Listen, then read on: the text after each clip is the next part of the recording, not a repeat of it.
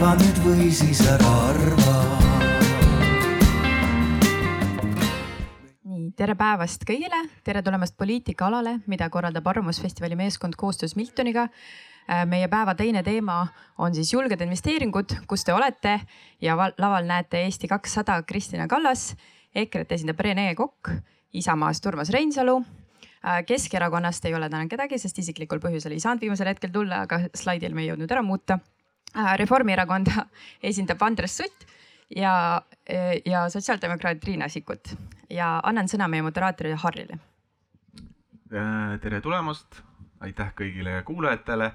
võib-olla korraldusliku poole pealt ma ütleks seda, et kindlasti, kui teil on küsimusi, siis mingi hetk me anname Urmase mikrofoniga publikule aga mm, kuna kõik on juba ära tutvustatud, et siis ei hakkagi siin keerutama, hakkame kohe pihta, et need julged investeeringud, et siin võib mit, mitut rada nende küsimustega minna, aga, aga tegelikult siin nagu üks silm nutab, teine naerab viimaste sündmuste, sündmustele vaadates, et mõned, mõnes mõttes mõned sellised julged investeeringud, mis varem on jäänud tegemata, noh, mõtleme LNG terminal, mõtleme kai, äh, äh, äh, riigikaitse äh, ja nii edasi on nagu tehtud saadud, et kas kriisid ongi need, kus, kus selliseid julgeid investeeringuid äh, saab teha et võib-olla alustaks niimoodi, et need, kes valitsuses ei ole, et äh, alustaks ja vaatavad asja kõrvalt, et äh, ma ei tea, Rene või Kristina.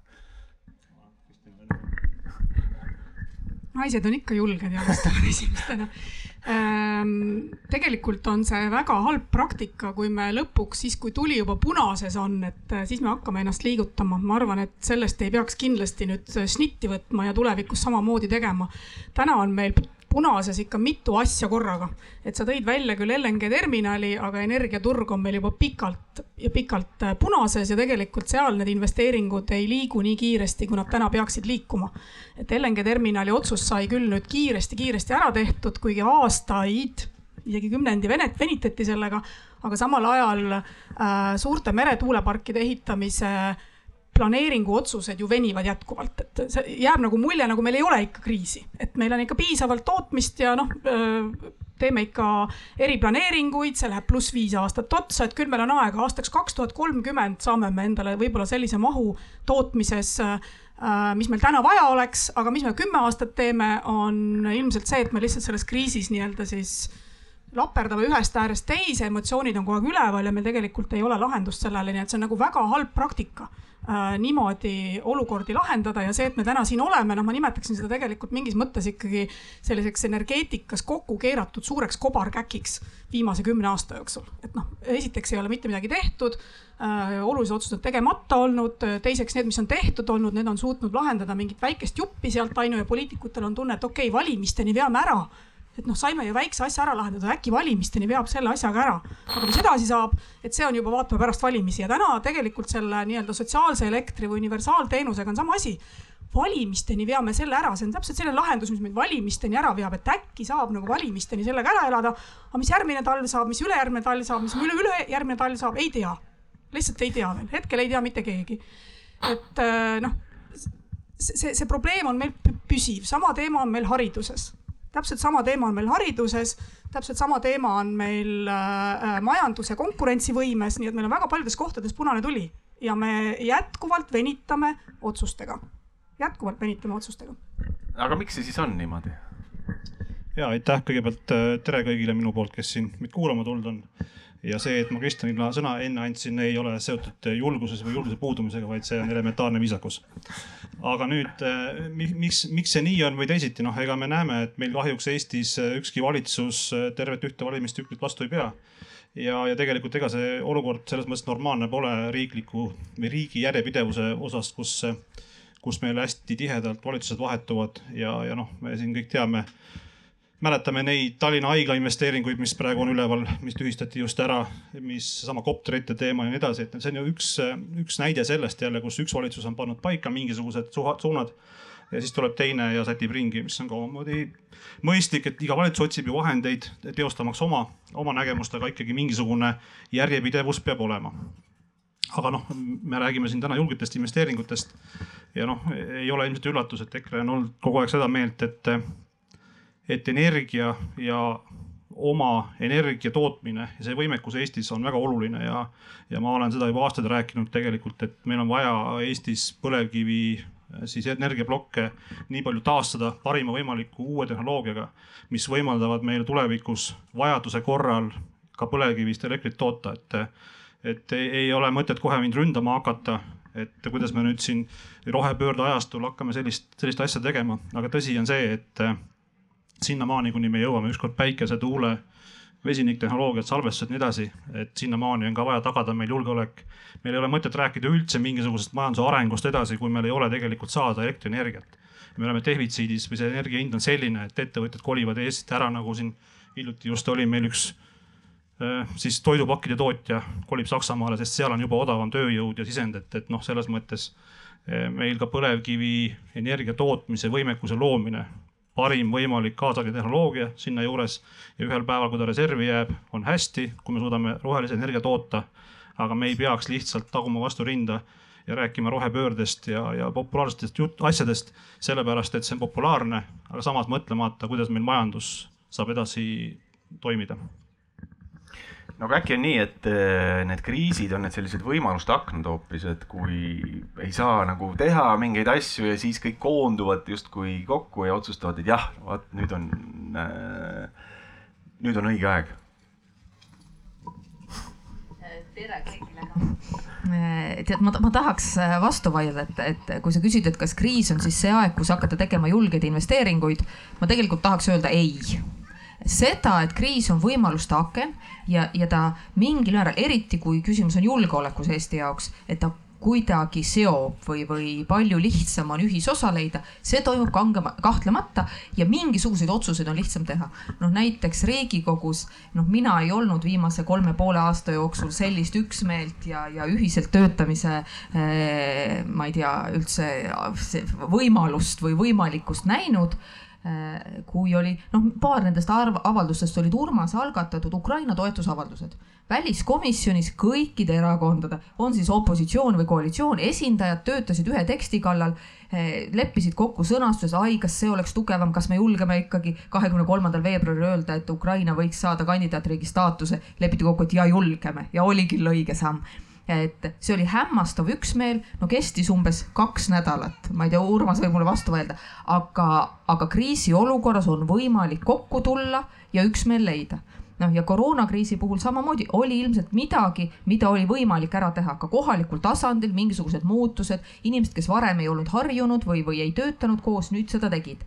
aga noh pikaajalise mõjuga investeerimisotsuste tegemiseks, eriti kuna investeeringu noh, elluviimine võtab aega ja neid tulemusi me näeme tulevikku. seda, et kriisiolukorras, näiteks ka energeetikas, meil on energiakriis selle talve puhul, kui me, kui, kui, kui nii nagu praegune koalitsioon on kokku leppinud, me ütleme, et inimeste toimetulek ei tohi löögi alla saada, inimeste kodud peavad soojas olema ja selle nimel energiahüvitised ja noh, LNG terminal, need on need kaks asja ja kulu mõttes nad on tegelikult täiesti, ma ei tea, hoomatama suurusjärgu. kriisi lahendus on ajutine lahendus, aga öelda nüüd, et lepime kokku ma ei tea, tõesti mingites tuumajaama või põlevkivienergeetika investeeringutes, mida viiakse ellu järgmise kümne aasta jooksul ja mis viivad meie pikalt seni seatud sihist kõrvale teisele trajektoorile, no seda küll ei ole mõtet praegu tegema hakata. nii et, nii et noh, see, mida kriisiaeg võimaldab teha ja milles, mis osas peab julge olema, minu arust see on natuke teistsugune küsimus kui, kui nagu suuremahulised no näiteks infrastruktuuri eh, investeeringud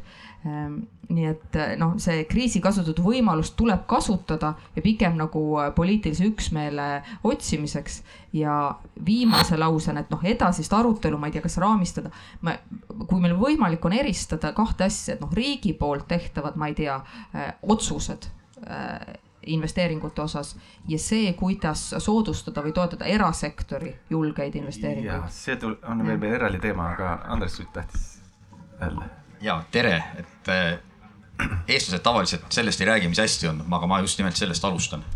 et äh, olen äh, käinud Eestimaa risti-põiki läbi, igasse valda pole jõudnud.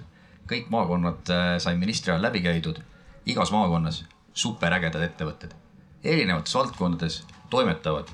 näiteks Jõgevamaal kaks puiduvaldkonna ettevõtet kahe peale, umbes seitse kilomeetrit eemal üksteisest, investeerinud sada miljonit eurot. või lähme Võrumaale väga palju häid puiduettevõtteid.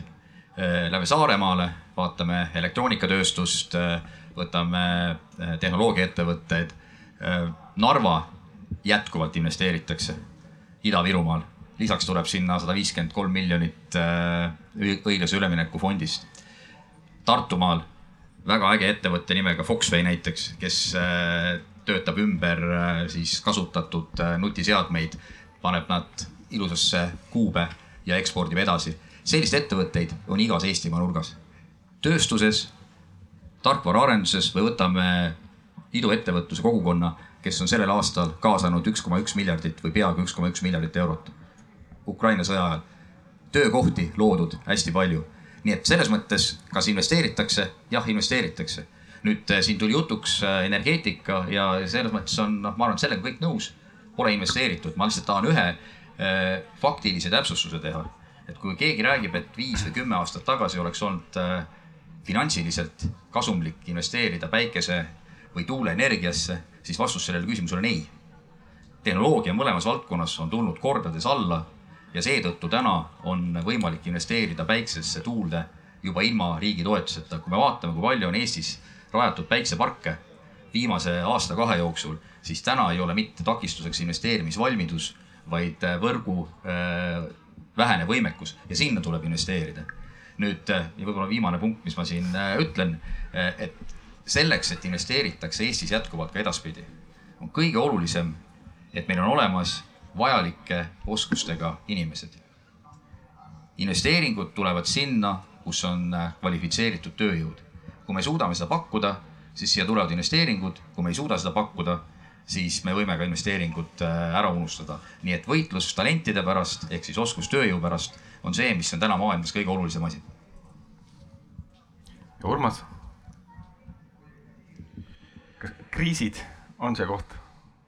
kas see, et me kriisides teeme neid suuri otsuseid, on paratamatus või, või, või saab seda kuidagi muuta? lobi käib ka kriisidevahelisel ajal väga tugevalt. me oleme praegu siin Miltoni telgis küsimus ei ole ju mitte julged otsused niisama, aga kelle investeeringud, eks ole, ja sellega lobifirmad tegelevad, olgu ta rahu või kriisiaeg.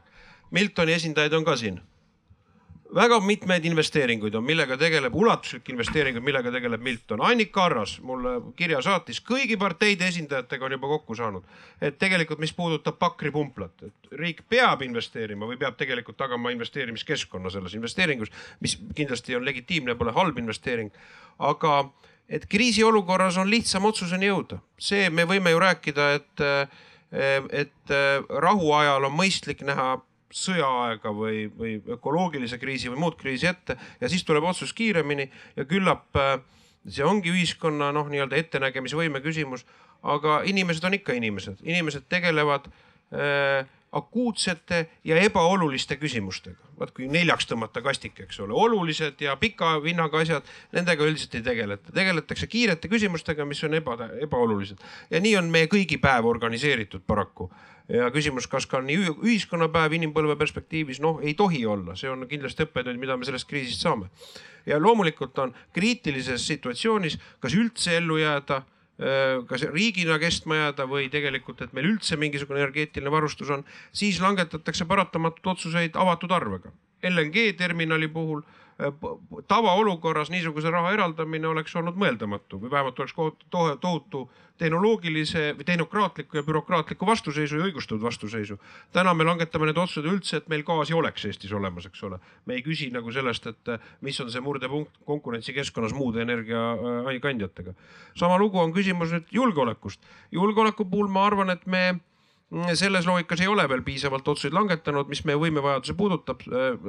ostetud on hankega, mis puudutab äh, moona, see oli kindlasti väga arukas, äh, ka arvestades seda, et see moona hind äh, kallineb. aga võimearenduste osas ma arvan, et meil on niisugune paradigmaatiline olukord ja seda pole mõtet eitada. küsimus on see, et mi, kuidas on heaperemehelik käituda, kas elada laenurahast, eks ole, võtta laenu ja soetada need võimed, võtame näiteks julgeoleku valmis või siis äh, öelda, et liigume samm-sammult ja jõukohase laenukoormusega.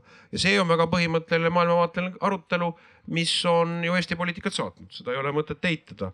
ja, ja küll, küllap on, on ühe, ühest või teisest vaatepunktist on võimalik argumenteerida emma-kumma seisukoha kasuks. kuid kriitilises olukorras, just nimelt selles, et meil üldse küsimus ei ole elukvaliteedis, et elu on, ma arvan, et, et riigi kaitsesuutlikkuse põhiküsimusi, mida me peame oma kaitsmiseks äh, soetama.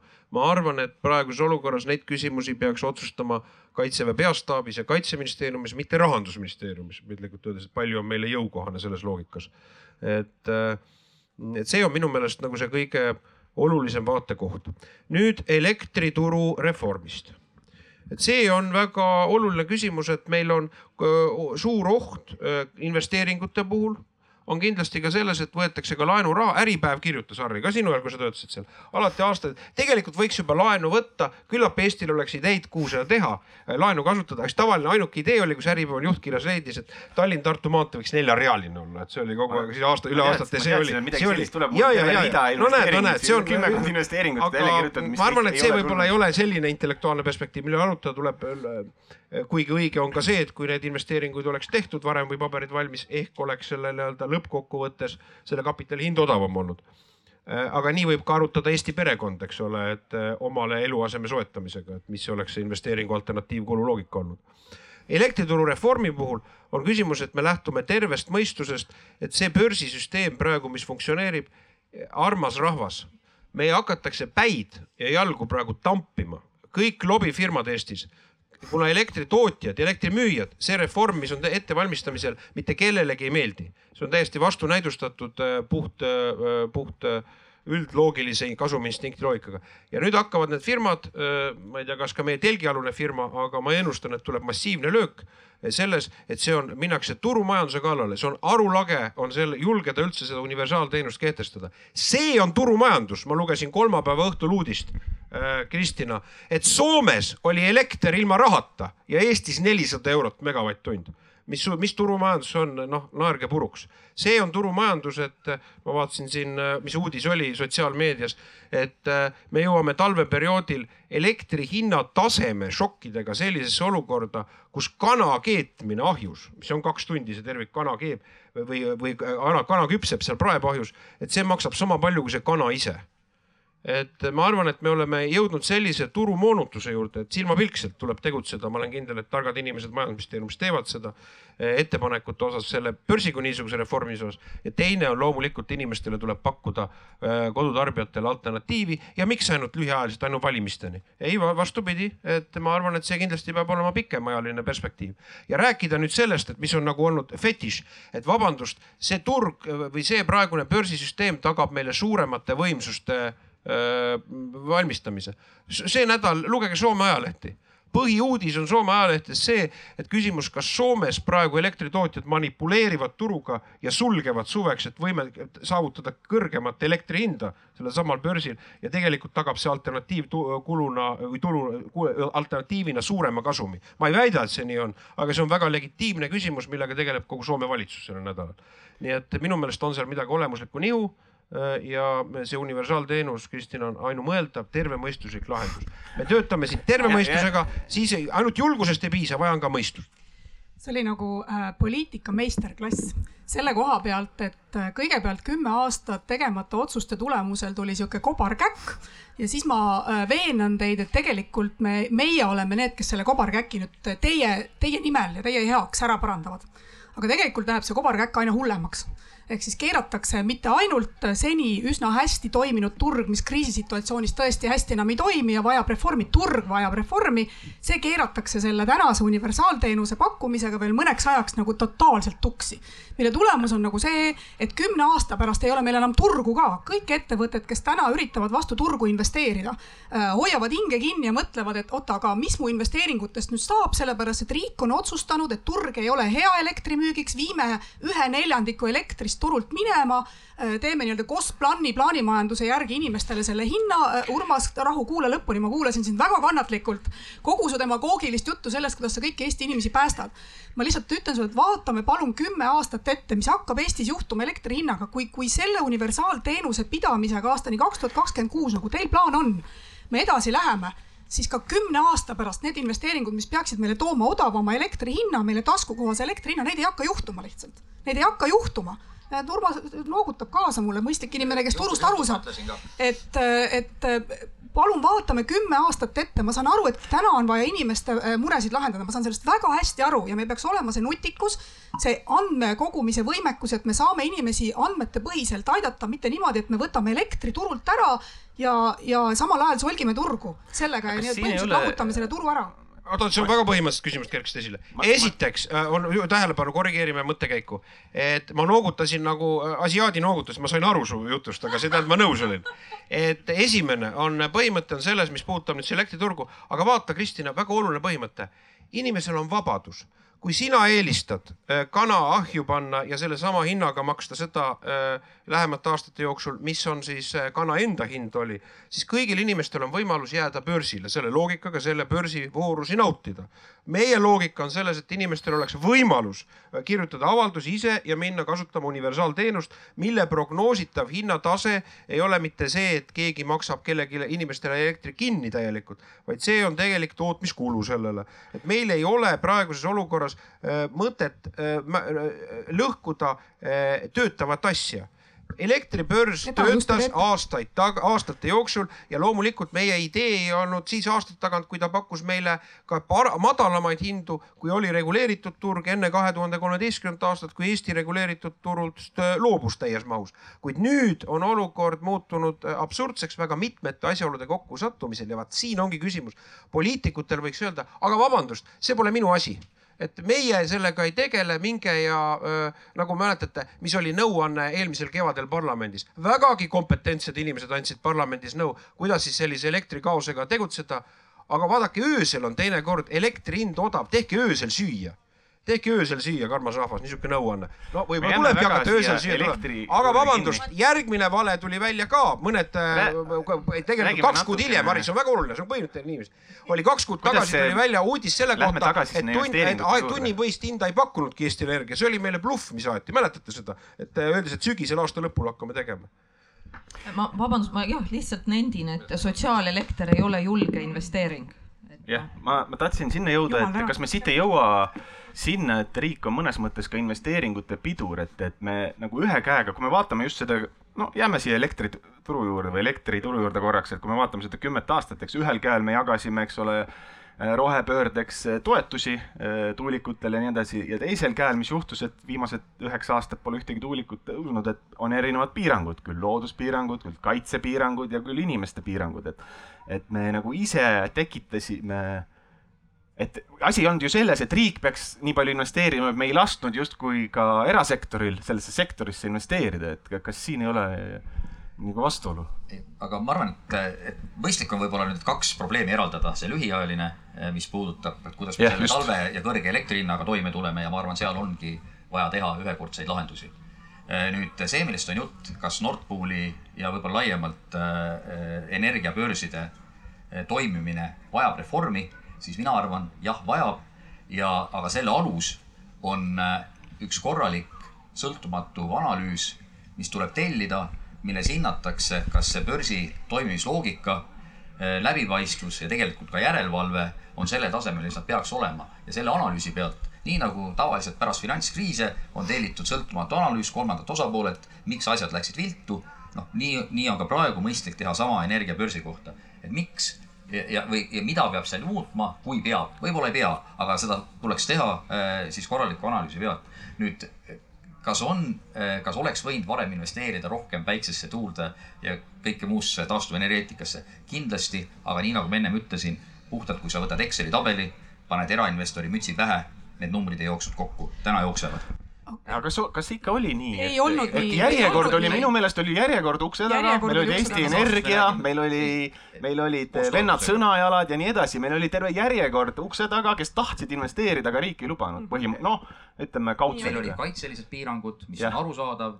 looduskaitselised ja inimeste piirangud. ja kogukond, eks ole, ja, ja need on äh, vaidlused, mis on äh, vaja selgeks rääkida, aga minevikku me ju ei muuda selle, selle peale ei ole mõtet liiga palju aega raisata. jah, ma mõtlen, kas me õpime sellest midagi? ja, ja, aga siit edasi minna, kui me nüüd liigume kiiresti edasi meretuuleparkidega, mis äh, on ka valitsuse poolt ju ilusti toetatud, et saaks planeeringud ja asjad kinnitatud.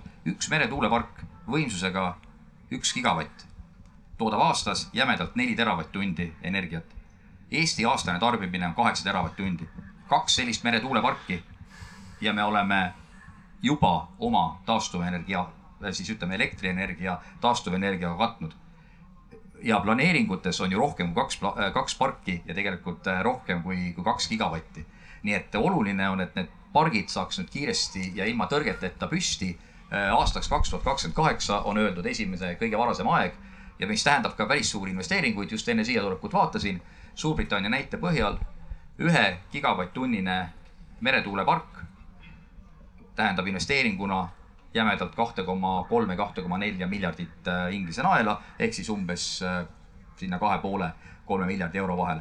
väga hea raha, huvilised on olemas, sellised investeeringud saavad alasti rahast-, ala-, alati rahastatud. nii et, et praegu on peamine takistus, mis saab olla, on ainult äh, planeering ja, ja võib-olla kuskil kogukonna vastuseis. et kui me need äh, maha saame, siis äh, need julged suured investeeringud kindlasti tulevad ära ja siis on meil ka elektri hinnaga palju parem olukord, kui ta täna on, sest elektri hinna üks oluline põhjus, miks ta täna on nii kõrge, on äh, Venemaa agressioon Ukrainas, mis on lükanud üles gaasi hinnad ja gaas on tegelikult see peamine allikas, millest näiteks Läti ja Leedu elektrienergiat toodaksid. ja gaasi hind täna on viis-kuus korda kõrgem, kui on olnud ajalooline keskmine. Igaüks võib arvutada. ja ma tahakski väga-väga mitu täpsustust siia vahele teha, et äh, tõesti, kui, kui me vaatame Eesti viimast kümmet-viiteist aastat, jah, taastuvenergia võimsuste väljaehitamisega me oleme läbi kukkunud, aga seda, et me Vene gaasist tegelikult äh, väljusime kiiresti, meil puiduhakkejaamad, koostootmisjaamad äärmiselt efektiivsed, me oleme teinud terve rea samme õiges suunas noh, ka päikesest saadav energia on meil juba täiesti noh, ma ei tea, optimaalsel tasemel. nüüd äh, aga seda, et me minevikus oleme läbi kukkunud, me ei saa minna tagasi sinna aega ja öelda, et ossa pagan, nüüd oleks pidanud nii, nii, nii tegema. sest see elu on palju mitmetahulisem, ka need kümme aastat tagasi tööle pandud tuulikupargid oleks olnud palju madalamad noh, kõrguse mõttes madalamad, tehnoloogia oligi teistsugusel tasemel, ehk siis selle asemel, et panna püsti kakssada tuulikut, me võib-olla oleks pidanud panema püsti viissada tuulikut, et sedasama energiat kätte saada. nii et vaatamata, jah, me praegu maksame elektri eest kõrgemat hinda, sest me minevikus ei investeerinud, samas tulevikuna ma arvan, et praegu me saame parema lahenduse, jah, mis, mis teenib meid pikemalt, et need asjad ei ole mustvalged, et on automaatselt keegi äh, läbivalt eksinud, järjest teinud sada valet otsust ja nüüd ei ole võimalik enam midagi päästa. kindlasti mitte, aga me ei saa ju Aga- ka lõputult neid investeeringuid edasi Ei, lükata ei, ootuses et üt- tehnoloogia ja läheb ei, ei, paremaks. seda ei olegi vaja teha, ma lihtsalt ütlen, et kui siin on kõlama jäänud, et seal on ainult nagu downside, siis tegelikult see asi on mitmetahulisem. Ja, ja tõesti noh, ka Riia koostootmisjaamad praegu seisavad, suured jaamad ei tooda noh, saaks elektrit juurde, oleks Baltikumi piirkonnas odavam. Nad säästavad talveks gaasi, nii et see, mida Andres ütles, et, et tegelikult väga palju sellest, milliseid valikuid meil teevad, ma ei tea, tootmisettevõtted, riigid, on tingitud ikkagi sõjast aga tulevikku vaadates nüüd seda, et eesmärgid noh, on need kliimapöörde mõttes, taastuvenergia võimsuste väljaehitamise mõttes on paigas, see on selge. ja ega ka kümme aastat tagasi see, et poliitikud tahtsid mingisuguseid odavaid kiireid lahendusi teha, noh, see on selge.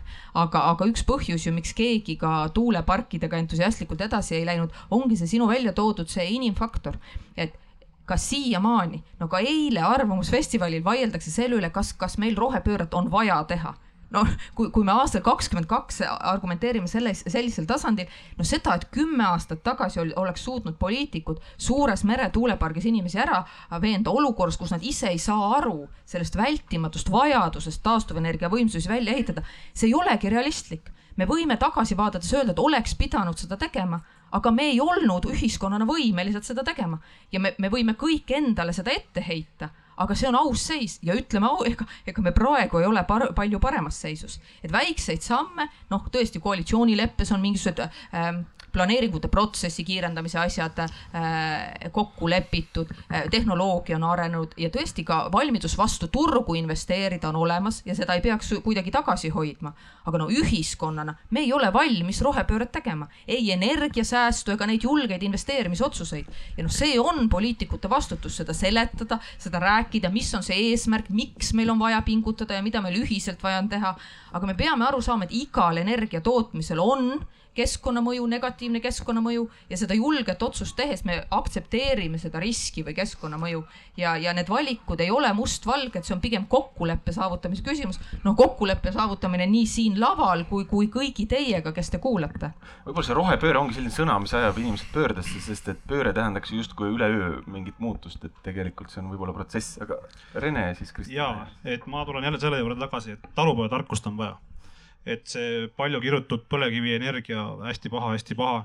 no tegelikult ei ole, et eh, mina ei ole kuidagi selle poolt, et, et me peame lihtsalt jälle loosungite pealt minema ainult siis eh, selliste energia tootmislahenduste peale, mida meil tegelikult täna ei ole. teeme selle energia tootmise parima võimaliku tehnoloogiat kasutades põlevkivi najal valmis, jätame reservi kui üle-eelmine valitsus jättis ühe ploki reservi, siis küll nahutati meid selle eest, kui halb, kui halb see on ja kuidas eh, valitsus ei saa aru rohepöörde vajalikkusest. aga nüüd, kui meil oli raske aeg käes, oli väga hea võtta seesama põlevkivienergia kui, kui äh, CO2 kvoodi hind lubas seda ja panna ka turule. nii et ma tahan seda öelda, üks ei välista teist, et äh, loomulikult tuleb edasi minna meil taastuvate energiatootmisallikatega. aga ka põlevkivist energia tootmise võimekust tegelikult tuleks arendada, see oleks üks, üks võimalik investeering ja suhteliselt kiire, meil on know-how oma riigis olemas, meil on tooraine olemas.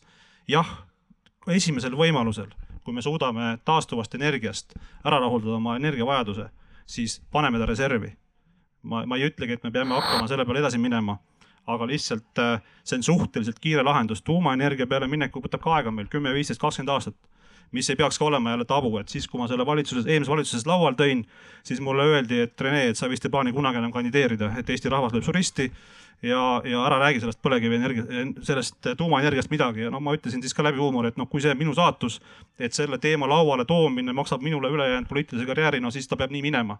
aga, aga lihtsalt teemasid mitte arutada sellepärast, et see on ebapopulaarne või see nagu ei sobi, no see ei ole õige, et me peame ära arutama, aga ma tahan ühe väikse kivi visata nüüd ka poliitikute poolt meie kõigi kapsaaeda et siis me rääkisime just, miks ei ole need arengud äh, läinud, miks on top, topanud, stopanud kogu aeg see tuuleparkide rajamine ja päikseparkide rajamine. aga just sellepärast, et tegelikult needsamad meie Eesti inimesed on vaidlustanud neid kõiki ja tahtnud arutada, me oleme aastaid kohtutes arutanud. meil oli seesama, sama siis kaitseväe piirangud, mille me saime üle-eelmises valitsuses liikuma. ja praegu täpselt samamoodi, me ei tohi enam hunte lasta sellepärast et see, keegi vaidlustab selle, me ei tohi karusid küttida, sest keegi, keda see ei puuduta, vaidlustab selle, ehk ma tahan seda öelda, et me ei saa kõiki asju stopata, me ei lase kanalat ehitada, sellepärast et tehke igale poole mujale, aga mitte minu koduõue või taha, tahahoovi, eks. ehk siis ma tahan öelda, et me peame kõik peeglisse vaatama, kõik, kes me siin istume et äh, kas me mõne koha peal ka üle ei pinguta ja äkki peaksime otsima kõik koos äh, koostöökohti, kuidas edasi minna, mitte kõike vaidlustades, kuskile peame neid tegema. kuskil on vaja päiksepaneelke, päikseparke teha, kuskil on vaja tuulikuid teha. Kuskil peavad need kohad olema, me peame ikkagi selle nimel pingutama, mitte see, et me teame, et kui me ükskõik mingi asja jälle vaidlustame, siis meil on rahu majas ja kaks-kolm, neli, viis aastat käime jälle kohut ja tegelikult näitame poliitikute peale, miks te midagi ei tee, et noh, me peame kõik pingutama ma tahtsin äh, lisada sellesse arutellu energiaturust, et kui Andres ütles, et me peame analüüsi tegema, siis me tegelikult ju teame täna, mis sellel elektriturul äh, puudu on, et milles probleem on. probleem on selles, et meie hinnatsoonis on puudu tootmisvõimsustest, me teame seda. meil on puudu Soomega ühendusest, meil ei tule läbi Rootsi läbi Soome ei tule meile odav elekter, et ta jääb sinna kuskile kinni ja meil lüüakse hinnatase ülesse. Need on kaks suurt asja, mida me teame ja selle osas on vaja täna teha otsus, kui esimene tuulepark, meretuulepark valmib aastaks kaks tuhat kakskümmend kaheksa ja Soomega kolmas kaabel valmis aasta, valmib aastaks kaks tuhat kolmkümmend üks, siis see on liiga aeg. kui me LNG terminali otsuse saime ära teha paari kuuga, siis miks me ei kiirenda neid otsuseid, mis on seotud meretuuleparkide ja Soome kaabli ehitusega, see on liiga pikk aeg. nüüd meretuuleparkides on hea näide, kahekümne viiendal juulil jäi täiesti märkamata ilmselt äh, otsus, äh, mis puudutas MKM-i poolt, Majandus-Kommunikatsiooniministeeriumi poolt otsus Sunly Hiiumaa meretuulepargi kohta, kus öeldi, et ei, te veel ehitama ei saa hakata, palun tehke eriplaneering nõuti neilt eriplaneeringut, see on pluss kaks aastat või kolm aastat veel otsa sellele, mida nemad olid arvanud, millal nad selle meretuulepargi üles seavad. see ei olnud mõistlik otsus ja ma arvan, et siin on vaja poliitilist sekkumist, kes ütlevad, et me ei lähe niimoodi edasi, meil on oluliselt kiiremini vaja teha. me, me ei saa teha nii, nagu me oleks täna energiarahu aeg, et teeme eriplaneeringu, ootame veel kaks aastat, vaatame, mõõda, mõõdame ja nii edasi. Sunlil jäävad asjad seisma, see on nelisada megavatti, mis praegu jäi seisma sellises olukorras, kus me tegelikult peaksime vastupidi neid asju kiirendama, miks nad seisavad, miks pandi seisma ja nüüd äh, hästi oluline, Urmas, ma tahan sulle ikkagi selle turuga tagasi tulla. Te võtate turult ära ühe neljandiku Eestis toodetavast elektrist, mis tähendab seda, et ka Lätile jääb vähemaks, ka Leedule jääb vähemaks, kus täna juba niigi, niigi on elektrit vähe. ehk siis need hinnad, mis börsile jäävad, need, need tõusevad veel väga oluliselt tõusevad veel. börsilt ostab äh, elektrit äh, tootmisettevõte, kes toodab meile võid või piima või mida iganes me tegelikult tarbime. ehk siis suure ringiga läbi selle tuleb see hind meile tegelikult piimapakis tagasi. sellepärast, et ettevõte, kes seda piima, kui ta just pankrotti ei lähe, sellepärast et ta ei suuda seda börsihinda kinni maksta, siis vähemalt paneb, piim on seitsmekümne sendi asemel või seitsmekümne viie sendi asemel liitri eest, ostame me seda ilmselt äh, talvel siin üks nelikümmend viis või, või kaks eurot liiter, sellepärast et me lihtsalt oleme võtnud, riik on võtnud turult väga suure osa elektrist ära defitsiidi olukorras ja samal ajal mitte midagi teinud otsuseid selleks, et kiirendada uute tootmisvõimsuste turule toomiseks. ei ole ühtegi otsust täna olnud selles osas. teeme selle energiaringi lõpuni, et äh, Urmas. me võtame ära turult neljandiku äh, Eesti äh, siis tarbimismahust või noh, tootmismahust su suures plaanis ja selle läbi siis tegelikult börsil jäävad kasumid saamata nüüd on küsimus selles ja teisena, et tegelikult börsi hinnatase veidikene või, või võib kerkida. nüüd küsimus, mida tähendab ja see on oht siis tegelikult, et ka Soomes, Rootsis, Lätis, Leedus võib olla börsielektri tase ehk kõrgem minugi ülesanne, loogika on väga lihtne, et ma arvan, et Eesti poliitikud peaksid Eesti tarbijate eest mõtlema praeguses olukorras. ja kahtlemata on kõigil riikidel võimalik langetada oma nii-öelda kooskõlas Euroopa Liidu õigusega ja oma rahvuslike arusaamadega energiapoliitikast täpselt neid otsuseid samamoodi et jah, võtame turult ära, aga mida me sellega teeme? me tagame sellega selle, et lähiaastatel Eesti kodutarbijatel on võimalus sisuliselt saada su kas suurusjärgus või kuni vähemasti kolm, kolm korda odavama tõenäolise hinnatasemega elektrienergiat universaalteenusega. see ongi see, et kus me seda ära võtame või kellele me seda õigupoolest anname. ja loomulikult on see oluline inflatsiooni pidurdav meede Eestis, mitte vastupidi. see on täiesti arusaamatu, kuidas väita, et elektri, kõrgemad elektriarved, armsad inimesed, kes te siin koos olete, Miltoni töötajad ja teised, et, et otse kui teie, kui te maksate kõrgemaid elektriarveid, siis on inflatsioon madalam selle loogika järgi. nüüd see, mis puudutab ettekujutust, me ei tohi laskuda suuruse hullustusse et selles Põhjala-Balti äh, börsiruumis elektrienergia puhul meist millestki sõltub, ei sõltu. meie osakaal, kui me räägime Eesti kodutarbijate osakaalu, on alla protsendi kas ta on promilli tase, ma selle ei väida, et kas ta on null, alla null koma ühe, aga kindlasti on see alla protsendi. nii et sellel ei ole sellele hinnatasemele mitte mingisugust tegelikku äh, eriti mõju mis on nüüd küsimus, mis puudutab, kui me räägime elektrienergia vajadustest ja sellest, mis otsus on poliitiliselt populaarne või mitte, siis ma arvan, et loomulikult me peame olema valmis tegema Äh, poliitiliselt ebapopulaarseid otsuseid. omal ajal ma mäletan nii mitmeidki siin ka ümbritsevaid inimesi, kui suur kriitika oli, kui Juhan Partsi ajal ehitati tegelikult äh, põlevkiviõlitehaseid. me prindime välja neid juhtkirju Äripäevast, oli Harri noogutab, eks ole, kirjutas Harri. et näete, need olid nii-öelda siis see, mille najal meil üldse mingisugust juhitavat tootmisvõimsust on. unustame, võt-, asetame nüüd asja õigesse perspektiivi igasuguse poliitilise retoorika vabana, mis puudutab äh, siis päikest ja tuult Äh, mina toetan samuti talupojatarkusele, aga ka professori tarkusele. ma palusin professor Arvi Hamburgil mulle välja kirjutada tegelikult meie jaanuarikuus meie elektri siis tootmisportfellist, kui suurt osa teatud tipuhetkedel moodustas taastuvenergia. paberi järgi on meil meie, meie energiatootmisportfellist kakskümmend protsenti taastuvenergia ta, siis tootmine. tegelikkuses ja sellest ei ole midagi ette heita, see lihtsalt on sesoonse iseloomuga, olid meil paneelid kaetud lumega ja tuult ei olnud, oli tegelikult moodustas protsendi ligi, et see on tegelikult see nihe et äh, võib öelda, et olud ei olnud vastavad, et loodus ei olnud kohanenud meie energiaportfelliga, aga fakt on see, et hinnad olid sellised, nagu nad olid. et loomulikult me peame äh, rajama ja isegi kui see ei ole täies mahus äh, koherentne Euroopa omistatud siis rohepöörde eesmärkidega, peab meil olema oma rahvuslik täiemahuline taastuva elektrienergia tootmise võimekus siin ei ole üldse mingit küsimust. me võime rääkida, et me unustame ja tegelikult minu meelest viimastel aastatel liiga palju loodeti üldisele kogu sellele nii-öelda energia, avatud energiaturu skeemile. fakt on üks ja selge asi.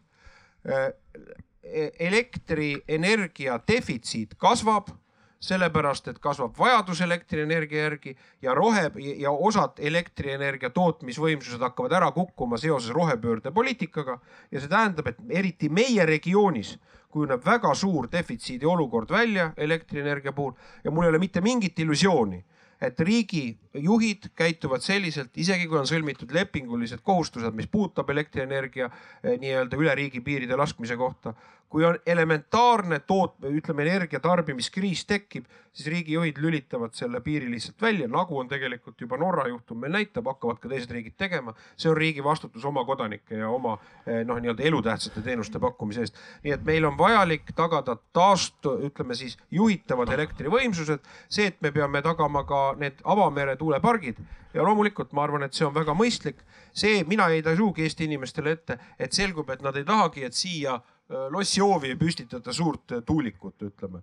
et ma arvan, et see on täiesti elementaarne inimestel oma ka kogukonna huvide eest seista ja selle eest, et äh, no kui mingi asi on vastuvõetamatu, et siis inimestel on õigus oma kogukonnas seda ka öelda välja, et avamerele jumala pärast kaatriga käiakse vaatamas. lause veel, meil on nelikümmend minutit. siin on siin on kommentaari vaja, me peame aru saama, et pöör, elekter on ideaalne börsikaup ide,, ideaalselt vahetatav kergesti ke, ke, no, no eile ma, eile oma debatis ma rääkisin, näiteks vaimse tervise teenused.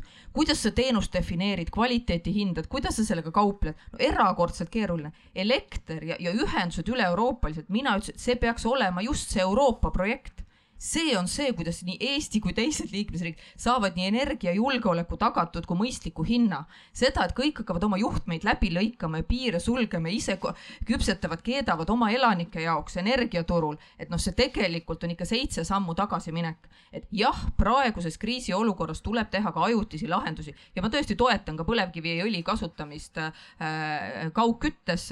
noh, ongi Äh, hädaolukord, seda me ühel talvel teeme, aga pikas plaanis seda, et börs ei ole sobiv viis elektri jaoks, noh, kuna need elektronid ja, ja gaasi puhul gaasimolekulid, need, mis juhtmetes ja torudes liiguvad, no see on täpselt see, mida me peaks tegema, et meil kõigil oleks kindlam olla ja hind odavam. ja, ja teine kommentaar rohepöörde kohta talupoeg oma tarkusega toetaks sada protsenti rohepööret, see, et mesilased lendaksid ja linnulaulu oleks kuulda ja see, et sa elad vastavalt sellele, kui palju sul eluks vaja on, mitte sellepärast, mida teistele näidata või mida on võimalik poest osta või mida veel sissetuleku eest, kasvava sissetuleku eest saaks. seda, et me heaolu kasvu lõputult eesmärgistame, see, see noh, lõpuks on üle jõu käiv meil noh, nii riigieelarvele, rääkimata sellest looduskeskkonnast, nii et talupoja tarkus toetab rohepööret, mitte ei käsi meil oma ökoloogilist jalajälge suurendada ja rohkem tahta tulevikus. Lähme korra sellest elektribörsist kõrvale, et muidu me oleme nelikümmend viis minutit ainult sellest rääkinud. ma tahaks natukene laiemalt rääkida sellest, et kus riik nagu ühelt käel äh, loob nagu tingimused ja teisel käel äh, loob nagu takistusi, et üks, üks minu meelest äh, on ka haridus, on meil tekkinud selline olukord, kus äh, me, meil on nagu ta, tasuta haridus, aga ühelt poolt äh, me ei anna sinna raha juurde ja ei lase ka nii-öelda era, eraraha sinna sisse. et äh, kuidas me näiteks sellise probleemi saaksime lahendada? valeinformatsiooni alusel töötada haridus, mis tähendab äh, no,, mis tähendab, ei lase eraraha. erakordselt kõik rektorid tulid kokku ja kurtsid, et neil on väga suur rahaprobleem, neil ei ole aastaid, ei ole nad suurt rahastust juurde saanud ja. ja nad ei saa ka raha juurde küsida, et kas me ei saaks tagasi pöörata seda, et see on selline üks selline näide, kus nagu äh, justkui. ja, aga võtame viilude kaupa. esiteks lisarahastus tuleb, leping re- rektoritega sõlmitakse kohe pärast seda, kui uus valitsus moodustus, hakkasid tulema otsused, julged otsused, olid nii? see on No esimene jah, praktiline summa no teine küsimus, see, mis puudutab äh, eraraha, nüüd on see, et tõepoolest eh, eestikeelne äh, kõrgharidus, mida antakse maksumaksja rahast ja ülepeetavatest ülikoolidest, kõigil on võimalus teha erakoole, ükskõik millised, eks ole, ja neid eh, tegelikult võtta nii palju õppemaksu, kui kulub, see võimalus on olemas. et maksumaksja rahast avalik-õiguslikest üli, ülikoolidest meie mm, eestikeelne te- nominaalajaga kõrgharidus on ilma rahata. see tähendab seda, et ingliskeelses võib võtta nii palju raha, kui kulub. meil on tekkinud huvitav paradoks, mis on, et meil äh, selleks, et täita nii-öelda rahvusvahelistumise eesmärke, mida ülikoolid on seadnud, on tekkinud olukord, kus hoopis äh, suures hulgas äh, on antud tasuta ingliskeelset haridust ilma, nagu ka Jaak Aaviksoo, ma arvan, õigusega on tunnistanud, ilma mingi ratsionaalse arusaamiseta, et keda me siin inglise keelest erinevatest maailma otstest te- välja õpetame. Euroopa Liidu sisereeglid on sisereeglid, aga kui me kõneleme praegu kolmandatest riikidest, et ma saan aru, me mõistame seda, et äh, on kindlasti Eesti tööturu vajadused, on kindlasti noh, nii-öelda mingid erialad, mis võiksid olla meil töötajad, kes jätkavad siin, aga võrdlemisi ilma riigi poliitilist ja ka kõrgkoolide enda poliitil-, noh, ütleme selles mõttes hariduspoliitilist või tööjõupoliitilist äh, perspektiivi välja mõtlemata on tegelikult sellesse panustatud, ma arvan, et siin on kindlasti äh, reservkoht. Ja see, mis puudutab nüüd äh, seda, et kas uskuda eraalgatust, sada protsenti usun. Ja seesama loogika, mis kõneleb, andke mulle äh, kala asemel õng ja hariduse andmine on just üks küsimus, kus meil on kõige mõistlikum öelda, et Eesti riik annab oma noorele põlvkonnale see parima hariduse, mida eesti keeles on võimalik pakkuda, selleks et noored ei peaks minema seda tasuta haridust saama teistesse maailma riikidesse omandama või nii-öelda liikuma ära eraldi võetud eesmärgis iseenesest, olgugi et nad eelistaksid õppida Eestis kõrgharidust saada eestikeelses ruumis. sest meil oli, varem kehtis üks põhimõte, mis oli nii-öelda ka veidikene siis taga igatsetud põhimõte. pooled noored said ilma rahata ja Eestis ütleme eestikeelset kõrgharidust ja pooled said täies mahus raha eest aga ma võrdlesin seda dünaamikat, ega seal väga palju õigluse küsimust, ammugi veel seda loogika küsimust, et milline noortegrupp siis tegelikult kõrghariduse juurest välja jäi. noh, välja jäid, aluseks võeti ülikoolides üldine reegel oli siis tegelikult äh, õppeedukuse tasemed, mis tähendab, et ta korrespondeerus üldhariduse, ütleme siis keskmise kvaliteedi tasemega üle maa, mis tähendas tegelikult siis eestikeelsed äh, kõrghariduskohad, kus olid maapiirkondadest pärit noored Äh, mille puhul nende korrelatsioon nende pere sissetulekuga oli tegelikult pöördvõrdelisem, pidid maksma ja siis ütleme nendest, kes siis tulid Tallinna linnast, olid noh, nooblimatest koolidest poisid-tüdrukud said hakkama, kel võib-olla perel olid ka paremad ainelised võimalused äh, lastele haridust anda, nemad pidid tegelikult, said tasuta haridust. nii et ma selle süsteemi, jah, see muudeti Isamaa ettepanekul ära, see süsteem ja ma arvan, et nii õigluse kui ka tulemuse mõttel, et me oma, oma nii-öelda järe, laste põlvkonnal vahet ei tee, ma arvan, et see oli mõistlik. mis ütles Lennart Meri kunagi, kui me räägime, mis inimese eesmärk on? oma lapsed üles kasvatada ja lapselapsed ära näha ja nii peab üks rahvas ka käituma et oma lapsed Andres. tuleb üles kasvatada. Eh, hariduse rahastamine on kindlasti oluline teema, kui me ette vaatame, sest eh, noh, nii nagu siit on läbi kõlanud, on selge, et, et see praegune rahastusmudel noh, on mõneti selle klaaslae ette pannud ülikoolidele. Ja mitte, et peaks seda olemasolevat rahastusmudelit kõrval, kõrvale jätma, aga ma arvan, kõik need võimalused, kuidas tuua täiendavalt eh, eraraha sinna juurde ehk et üliõpilane ka ise midagi maksab, on minu meelest arutamist väärt.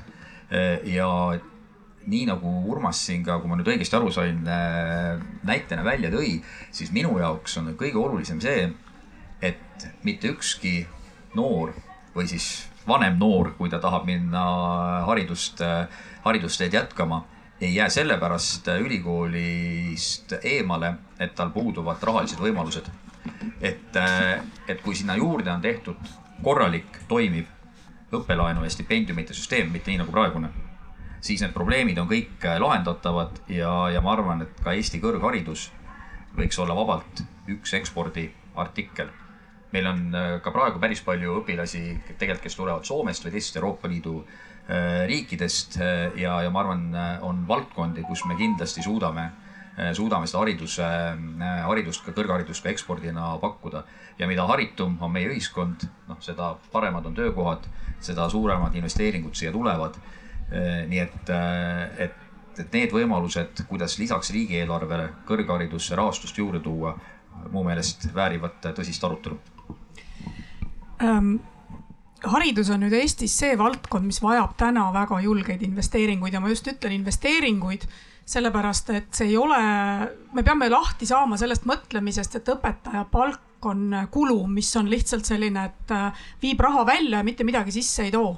vastupidi, et õpetaja palk on see, mis meile päriselt tegelikult tulevikus raha tagasi toob äh, ja me peame hakkama mõtlema haridusest kui investeeringu valdkonnast, kuhu meil on vaja täna investeeringuid teha, et äh, iga nagu nutikas ettevõtte juht teab, et tal on vaja investeerida sinna, mis talle tootlikkuses nagu kõige äh, parem investeering on. Ja Eesti riigis äh, ei ole meil ju tegelikult selles mõttes muud vara, millesse meeletult investeerida peale meie enda inimeste ja nende kahe kõrva vahel, eks ole, olev äh, asi, mis iganes neil seal on. sinna investeerimine on see, mis tagab meile kõik selle, millest me unistanud oleme, tagab meile selle, et meie inimesed on, elavad pikka elu, et nad elavad tervena, et nad loovad väga nutikaid ja kõrge lisandväärtusega ettevõtteid, et nad suudavad ka rahvusvahelisel turul globaalselt äh, töötada ja ametikohtadel, kus on kõrge palk äh, ehk siis kõik see, millest me kogu aeg oleme tahtnud rääkida, aga see saab mitte selle tõttu, et meil on suurepärane maksusüsteem, vaid selle tõttu, et äh, meil on väga hea haridus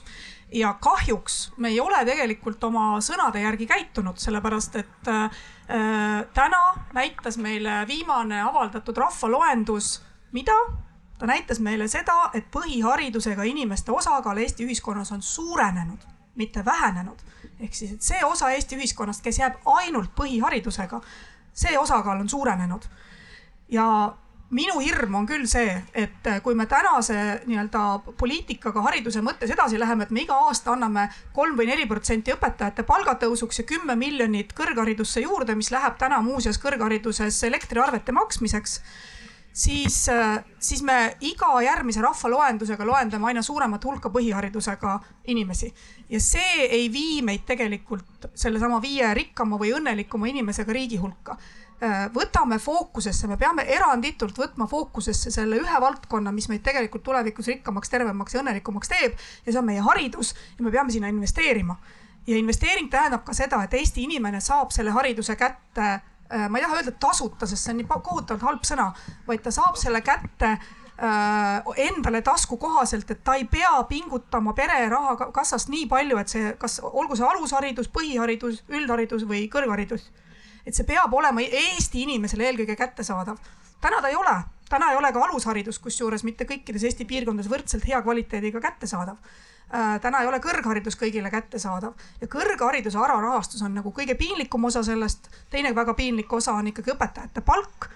ja ma toon lihtsalt näite, arvulise näite, Eesti Energia oodatav kasum tõenäoliselt sellel aastal, kui vaadata nüüd neid trende, mis meile siin esimese kvartaliga Äh, näidati, tõenäoliselt see oodatav kasum jääb sinna kuskil, no ma, mul ei ole täpseid andmeid, ministrid teavad vast paremini, aga kuskil sinna suurusjärku kaheksasada miljonit eurot.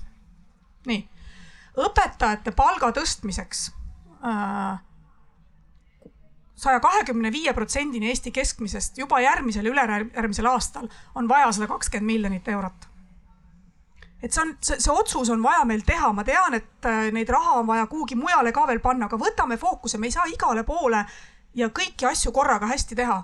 ja ma arvan, et see haridusinvesteering on nagu hädavajalik, sest muidu kuskil viie-kuue aasta pärast istume me jälle siin Arvamusfestivalil ja arutame, et kuidas nüüd ikkagi juhtus nii, et me ei suuda enam äh, põhihariduses matemaatikaeksamil äh, meil kukuvad õpilased kordamööda läbi, sellepärast et meil ei ole enam õpetajaid, kes neid õpilasi õpetaks. matemaatikat annab koolis ühtlasi kehalise kasvatuse õpetaja, sest tal on nagu koormusest mõned tunnid veel üle ja tema saab ühtlasi seda anda, sest ühtegi matemaatikaõpetajat kuskilt võtta ei ole. ja gümnaasiumi lõpu matemaatikaeksami tulemused langevad, nad täna juba langevad. Nad täna juba langevad ja ma arvan, et me oleme kriisile, sellele punasele laternale nagu väga lähedal ja sellega ma olen täiesti nõus, et haridusse raha juurde andmine, investeerimine kindlasti ei ole mitte kulu, vaid perspektiivis tuluprojekt. no kui nüüd ettevõtjatega rääkida, siis tegelikult ju aastaid-aastaid on tagasiside selline, et ettevõtjad ei ole tegelikult rahul sellega, keda me riigi raha eest koolitame. Nad ütlevad, et, et peaks koolitama ühte või teist spetsialisti, nad ei ole rahul selle paindlikkusega, mida me, mida me täna koolitame, mida me riigi poolt rahastame. Nüüd ma tulen tagasi selle rohepöörde juurde ja, ja kui palju on seda pressitud ja kuidas see on tegelikult tekitanud inimestes sellise, sellise vastuolu või, või negatiivse, negatiivse suhtumise sellesse, sest meile üritatakse see rohepööre suruda peale nagu maru vägisi ja hästi kiiresti. ja nüüd ma näengi siin seda äh, siis nagu võimalust Eesti haridussüsteemis, et me hakkame riigi poolt tellima selliseid tarku äh, lahendusi ja tellime tarku, tarku teadustöid, teadussuuna arengut, kuidas näiteks neid erinevaid äh, ehitusmaterjale selliseid hakata tootma, mis aitavad kaasa igapäevaelus äh, step by step nügides meid kasutama keskkonnasäästlikumaid ja energiatõhusamaid meetodeid. et noh, ma toon selle näite, et kui me hakkame maja näiteks ehitama, et kui meil on turu peal olemas äh, materjalid, millest maja ehituse puhul niikuinii on vaja katus ehitada kui me kasutame katuseehituseks materjali, mis suudab äh, siis energiat toota, katuseplaadid, eks erinevad ja sinna juurde seina panna salvestustehnoloogiat või aknad näiteks, mis toodavad energiat, salvestavad, siis me teeme nagunii, me ehitame nagunii uusi hooneid, inimesed ehitavad maju, me ehitame avalikke hooneid. ehk siis me peame liikuma samm-sammult sinnapoole, et see keskkonnasääst ja, ja energiatõhusus on meie igapäeva osa, ilma et me peaksime seda tegema maru vägisi. ja nagu siin Urmas ütles, et äh, kana hind on sama, kana, kana ja kana küpsetamise hind on üks ja sama juba, et et, et see tekitabki sellise vastuolu ja siis me tõmbame sinna vahele võrdusmärgi, et näete, rohepööre võrdub kana küpsetamine sama hind, mis äh, kana ostmine, eks. Et me peame tegema neid tarku investeeringuid, targalt suunama sihitud äh, koolitustellimust, tegema neid asju, mida meil vaja on. ja see võikski olla Eesti Nokia, meid on, me oleme väike rahvas, me peaks tegema tarku, tarku ja ja selles mõttes innovatiivseid asju ja selles mõttes tuleks raha suunata. aga, aga ma, ma korra, ma, ma ütlen niimoodi, et ma olen nagu kuulnud seda, ma ei kujuta isegi ette, et keegi hakkaks rääkima, et haridust, noh, et see ei ole vajalik sinna investeerida ja sinna ei ole, ei oleks neid julgeid investeeringuid vaja, et ma arvan, et sellest on nii pikalt räägitud, aga noh, aga ja ongi nagu kõik või? ma, ma tahan ka hariduse teemale, et nagu liikusime energia või elektrituru reformist eemale, kohe üksmeel on palju suurem, et tegelikult lootust on, lootust on. kui ja, ja nii nagu Kristina ilusti rääkis, noh tõesti haridus prioriteet number üks, et kui me peame ühe euro riigina kulutama, paneme selle haridusse, see ei lähe valesse kohta. nüüd, kui tasuta kõrgharidusest rääkida, siis vaatamata sellele, et see oli Isamaa poliitiline lubadus, see on suurepärane asi.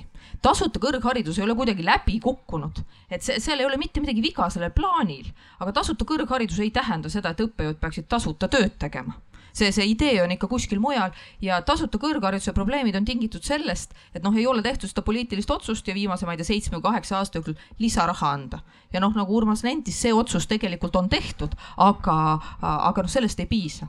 Ka, ka tõesti õpetajate palgatõus järelkasvu tagamiseks, et noh, need on kriitilised asjad, need on tulevikku pikaajaliselt mõjutavad asjad ja no mulle tundub kah, et ühisosa on olemas, et on midagi sellist, mida võib-olla siis eelarve läbirääkimistel õpetajate palgatõusu puhul noh, nagu äh, võib äh, silmas pidada, nii et äh, nüüd ma näen, Urmas tahab juba vastu vaielda mulle. see kõrg, ma ütlesin, tasuta kõrgharidus oli suurepärane mõte ja ma ei rääkinud börsikaubast või midagi sellist. ega ma ei vaidlegi sinu jutule vastu, aga ma, ma arvan, et selles on oma loogika, et et, et, et kui see on niisuguse objektiivse hinnaga, ma pole kunagi nii mõelnud, et need suuremad asjad viimase dekaadi ajal on nagu Isamaa poolt tehtud ära. et äh, haldusreform, see tasuta kõrgharidus, nüüd see peretoetuste reform, valitsused kukkusid, lossid värisesid, aga noh, mulle tundub, teeme ära peretoetuste reformi. Ja küsimus nüüd see, mis puudutab pensionireformi. Mõnus asi, näete, aga küsimus on nüüd selles, võtame nüüd selle sama ette, mis, ma olen Kristinaga nõus, ma ütlen ausalt, et see, mis puudutab, et ma käsitleksin ka õpetajate noh, me teame, kui suur on järelkasvu probleem, kui suur on see, et meil peavad olema selleks, et me oleksime üks maailma parimaid haridus, peab ka olema, nagu meil on olnud. nii tublid eelmiste põlvede õpetajad peavad ka olema parimad õpetajad maailmas. et selleks peab olema valmis riik investeerima ja mm, minu meelest õpetajate palka tuleb tõsta ka praeguses inflatsioonikriisis ka järgmisest aastast leida need võimalused siin, ega siin alternatiive ju ei ole ega ei tohigi olla. Nüüd sama küsimus, aga ma siiski ei fetišeeriks seda üle, et Kristjan ütles võidukalt, aga näete, elektribörs on andnud meile, vaadake, kui hea raha Eesti Energiale. sajad miljonid eurod on saadud täiendavat dividendi, aga kus nad ära on võetud? Meie käest, meie maksime talvel, eks ole, ja öelda, et aga vaadake, te võite olla õnnelikud, et elektri, mis oli ideaalne kaup, börsikaup on e- elekter, et selle elektri, et ideaalne kaup sai ideaalse hinna ja selle ideaalse hinna selgitas välja börsimasin. et vaadake, me räägitakse, et on tootmisvõimsuste vähedused on kodutarbijate mahu mõttes, kuidas olukord tegelikult tänasel börsil käib. elekter toodetakse Eestis Narvas toodetakse see elekter, aga meie oleme, ei oska ise hinda määrata, nii rumalad oleme, peab keegi tulema meid valitsema. nagu kutsuti Kiievi Venemaale seal appi, eks ole, et valitsege meid. Ja siis me saadame börsile, börsil öeldakse meile, vaat ei ole õige, tootmise omahind mõistliku kasumiga on seal nelikümmend, viiskümmend eurot. Teeme õige viissada eurot on õige hind. Ja siis tuleb seesama elekter, tuleb arve meile Helsingist tagasi seal börsilt ja ütleb, näete, lugupeetud härrased, määrasime teile õiglase hinna, ideaalse hinna börsil et ja kes soovivad sellega, jumala pärast, olge, nautige ideaalset hinda, mida määravad õpetatud mehed ja naised Helsingist. mina ütlen, et lihtsamale rahvale, kes seda tarkust, seda ideaali ei suuda nimetleda, anname ühe võimaluse ka olla see universaalteenus, kirjutab inimene avalduse, on seal. Need, kes on praegu selle tohutud advokaadid, võtku riski, mängigu seal börsil, mängigu muudel börsidel, jõudu. nüüd on küsimus ja samamoodi ma ütlen õpetajate palkadega, et oleks eriti jabur see, et õpetaja palka tuleb tõsta, aga Eh, normaalsed Eesti inimesed, kuulge, see inflatsioon on niigi pöörane, hullumeelne inflatsioon, kakskümmend protsenti pluss ja me räägime, et inimesed peavad veel maksma neid tohutud röögatud elektriarveid sellepärast, et andke andeks, niisugune turu, juhtus, kollater.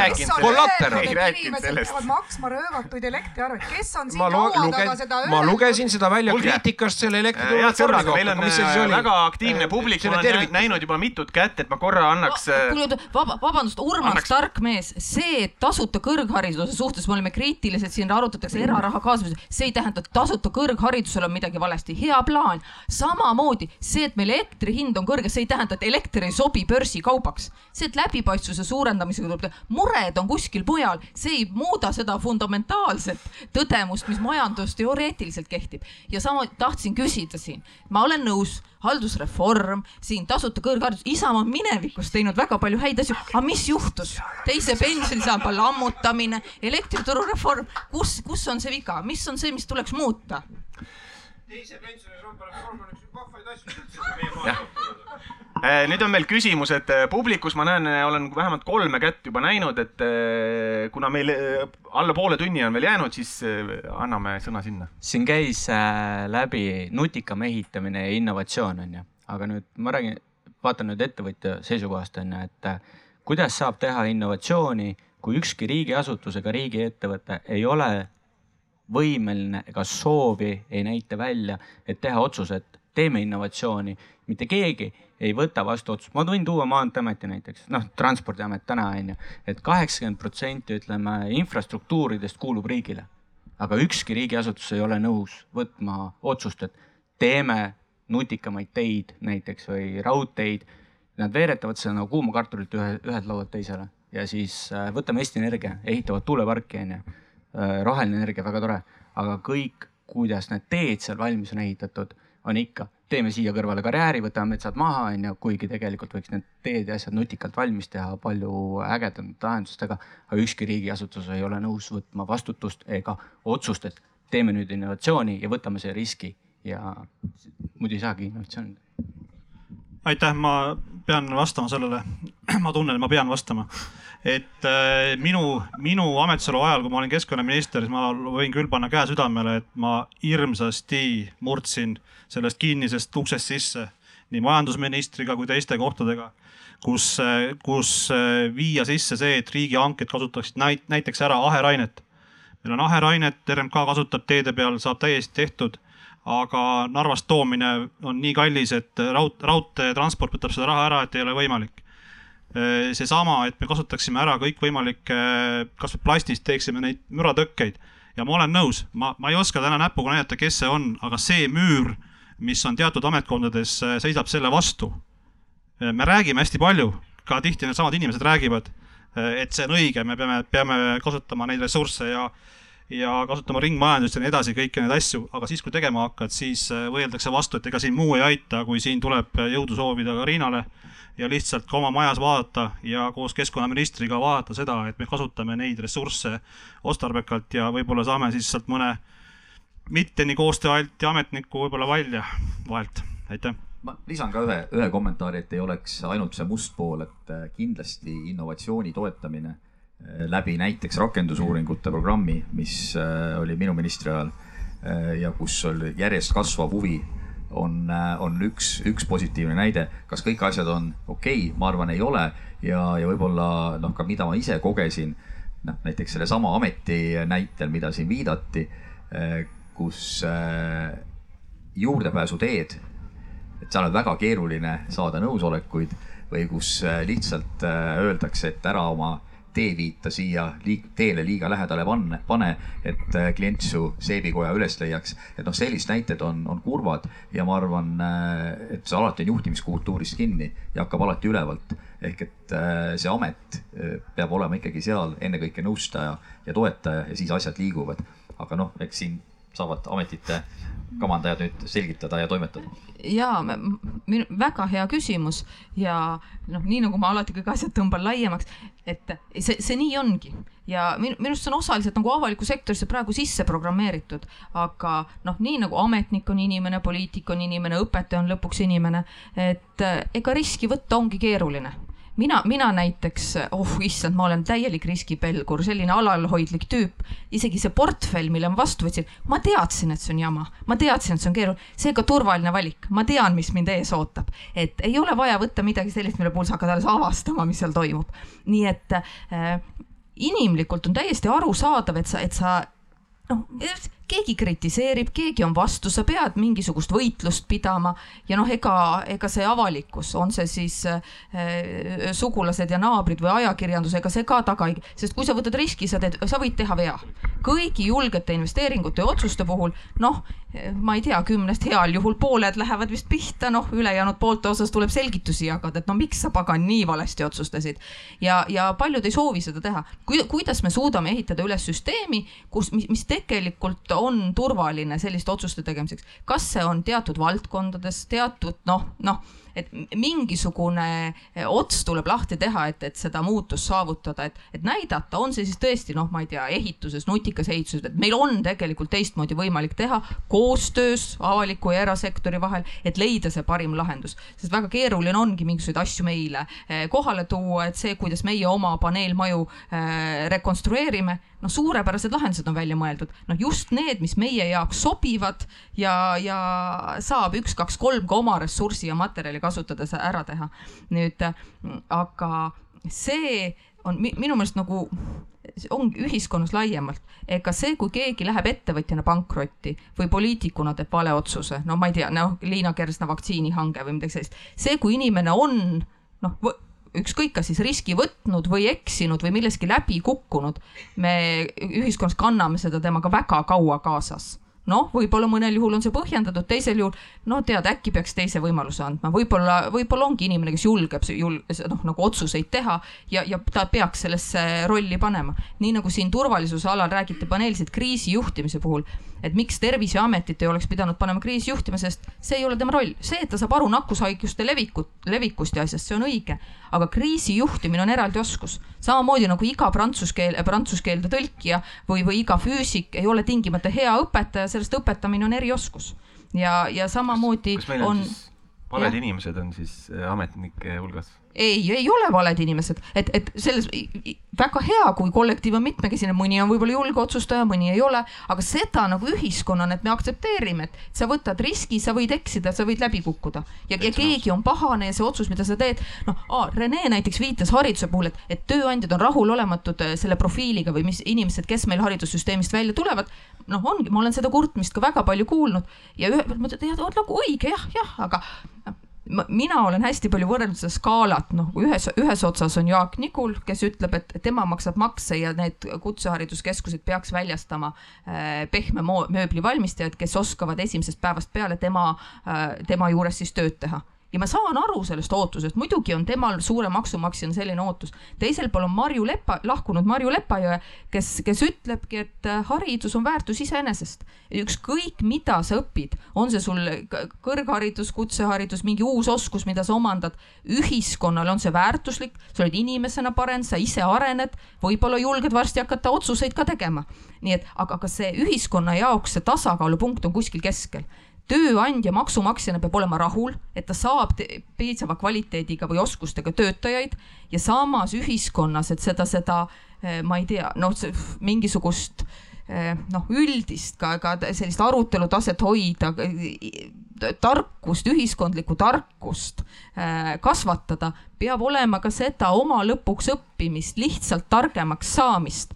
nii et see tasakaalupunkt on kuskil keskel, mul tunne, me ei ole selles noh, teadlikult kokku leppinud. Ja seega ongi, on ühelt poolt kurtjad, et me ei saa töötajaid ja teiselt poolt neid, kes tunneme, et pagan, miks me nüüd nii ei suuda kokku leppida või rumalaid otsuseid teeme, aga noh, meil seda tarkuse kogumise, mõtlemise aega on ka vaja ma arvan, et see on lühemalt, et siis me saame veel küsimusi.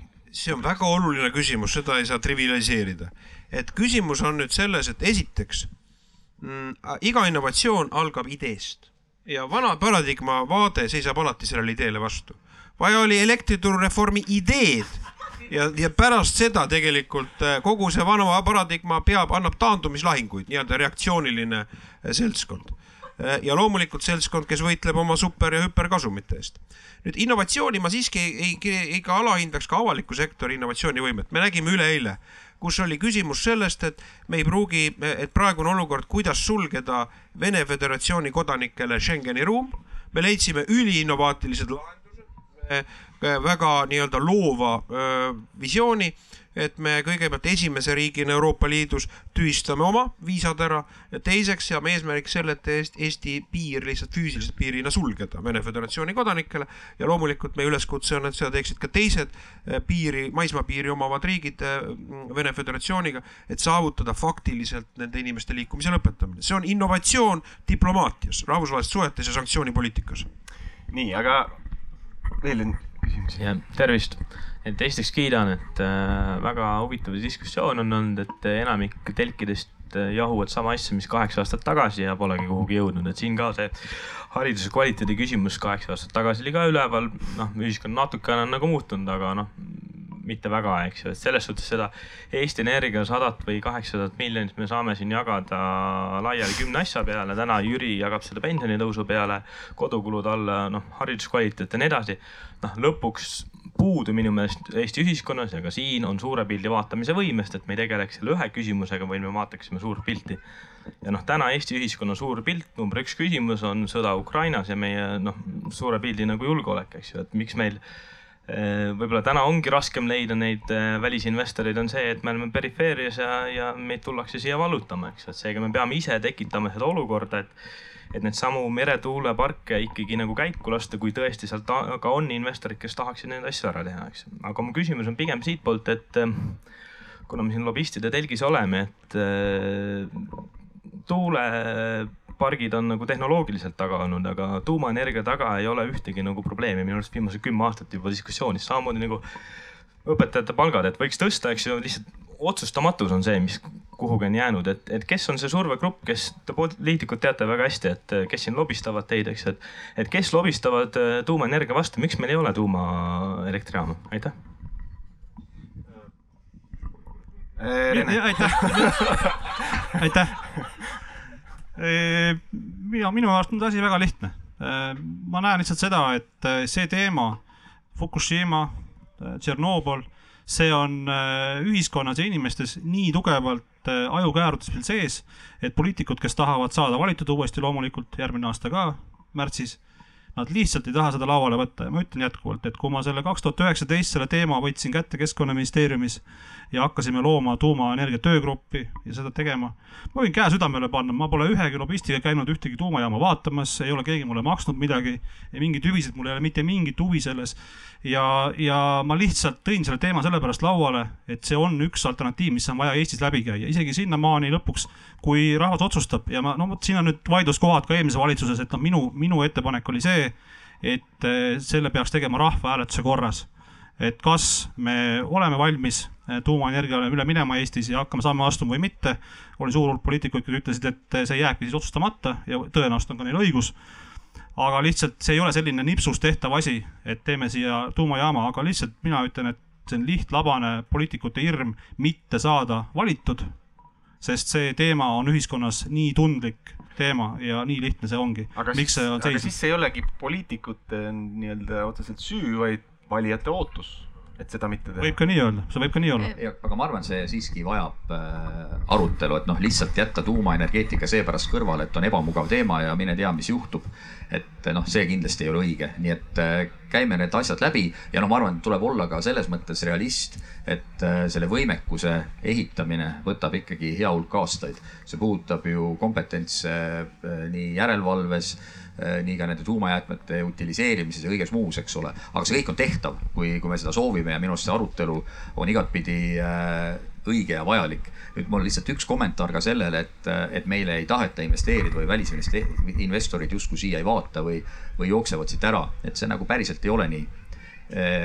Narvas, mis on ju nii lähedal Venemaa piirile, kui olla saab, on väga mitu välisinvestorit, kes tegelikult ei ole oma investeerimisplaane mitte kuhugi maha matnud, vaid vastupidi, teostavad.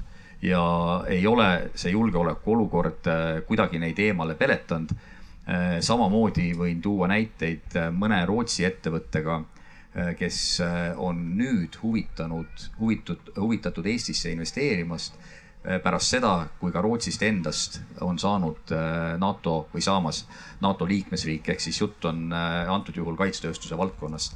et see huvi on selgelt olemas ja kui me nüüd kõik need eelnevad teemad, kaasa arvatud õpetajate palgad, kõrghariduse rahastamine noh, püüame kuidagi äh, ühele joonele tõmmata, siis seda kõike teha, kui me suudame siia meelitada rohkem investeeringuid ja rohkem investeeringuid tuleb siia siis, kui meil on pakkuda inimesi, kes on heade oskustega, kes on valmis võtma riske ja head elukeskkonda või ma ütleks isegi maailma parimat elukeskkonda suudame me igal juhul pakkuda, sest vaadate, vaadake Eestit väljapoolt.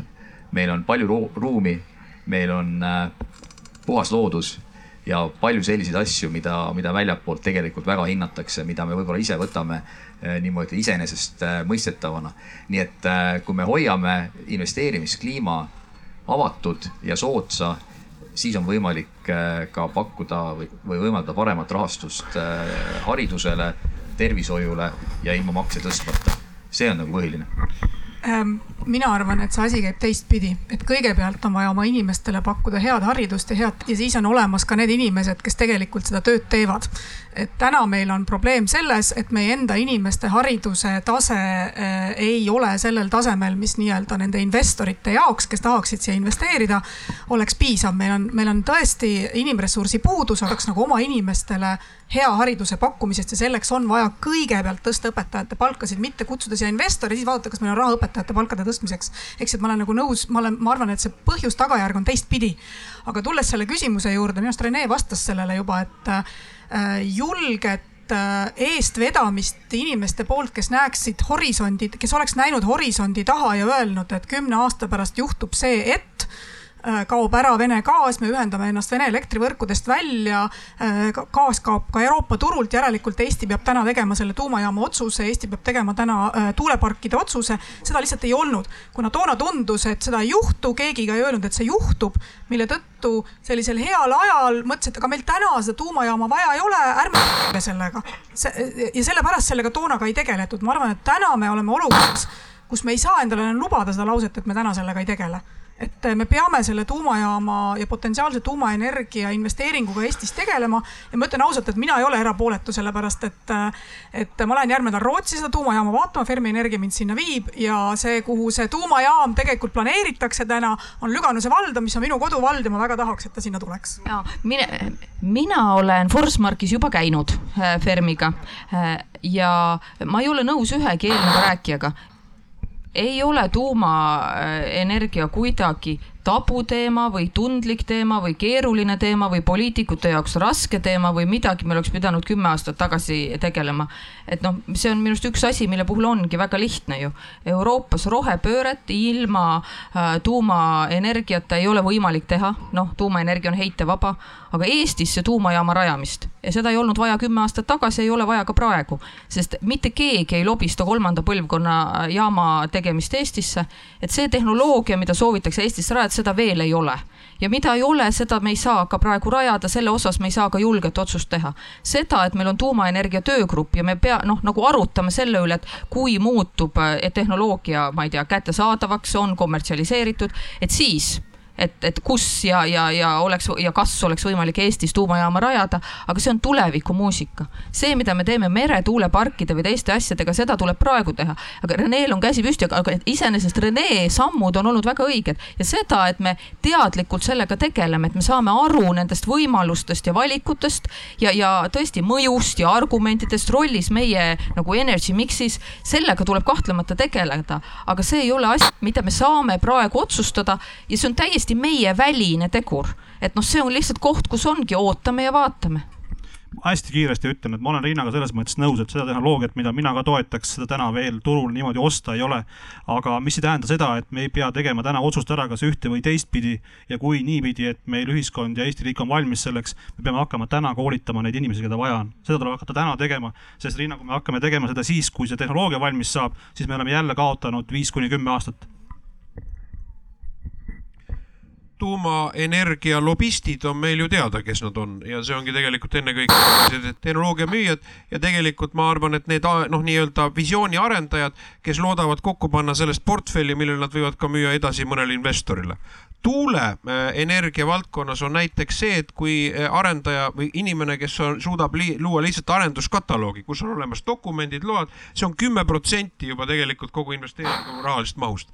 Nüüd vastased, loomulikult meil ei ole mõtet olla naiivne, teie küsimus on väga õigustatud, ei ole rohkem lobi ja vastandlike huvide valdkonda kui reguleeritud majandusturu valdkond, sealhulgas energeetika valdkond. Loomulikult strateegiliste investeerimisloogika, need investorid, kes soovivad kas saada nii-öelda riigi kaasosalust või näevad turul oma investeeringut äh, prioriteetsena, nende jaoks nad ei olegi sellest entusiastid ja, ja ei vaimustu sellest. see on lihtsalt üldine ja siin väita, et Eestis on majand-, ülisuured majandushuvid, mis põrkuvad kokku teistmoodi kui maailma teistes riikides, oleks naeruväärne.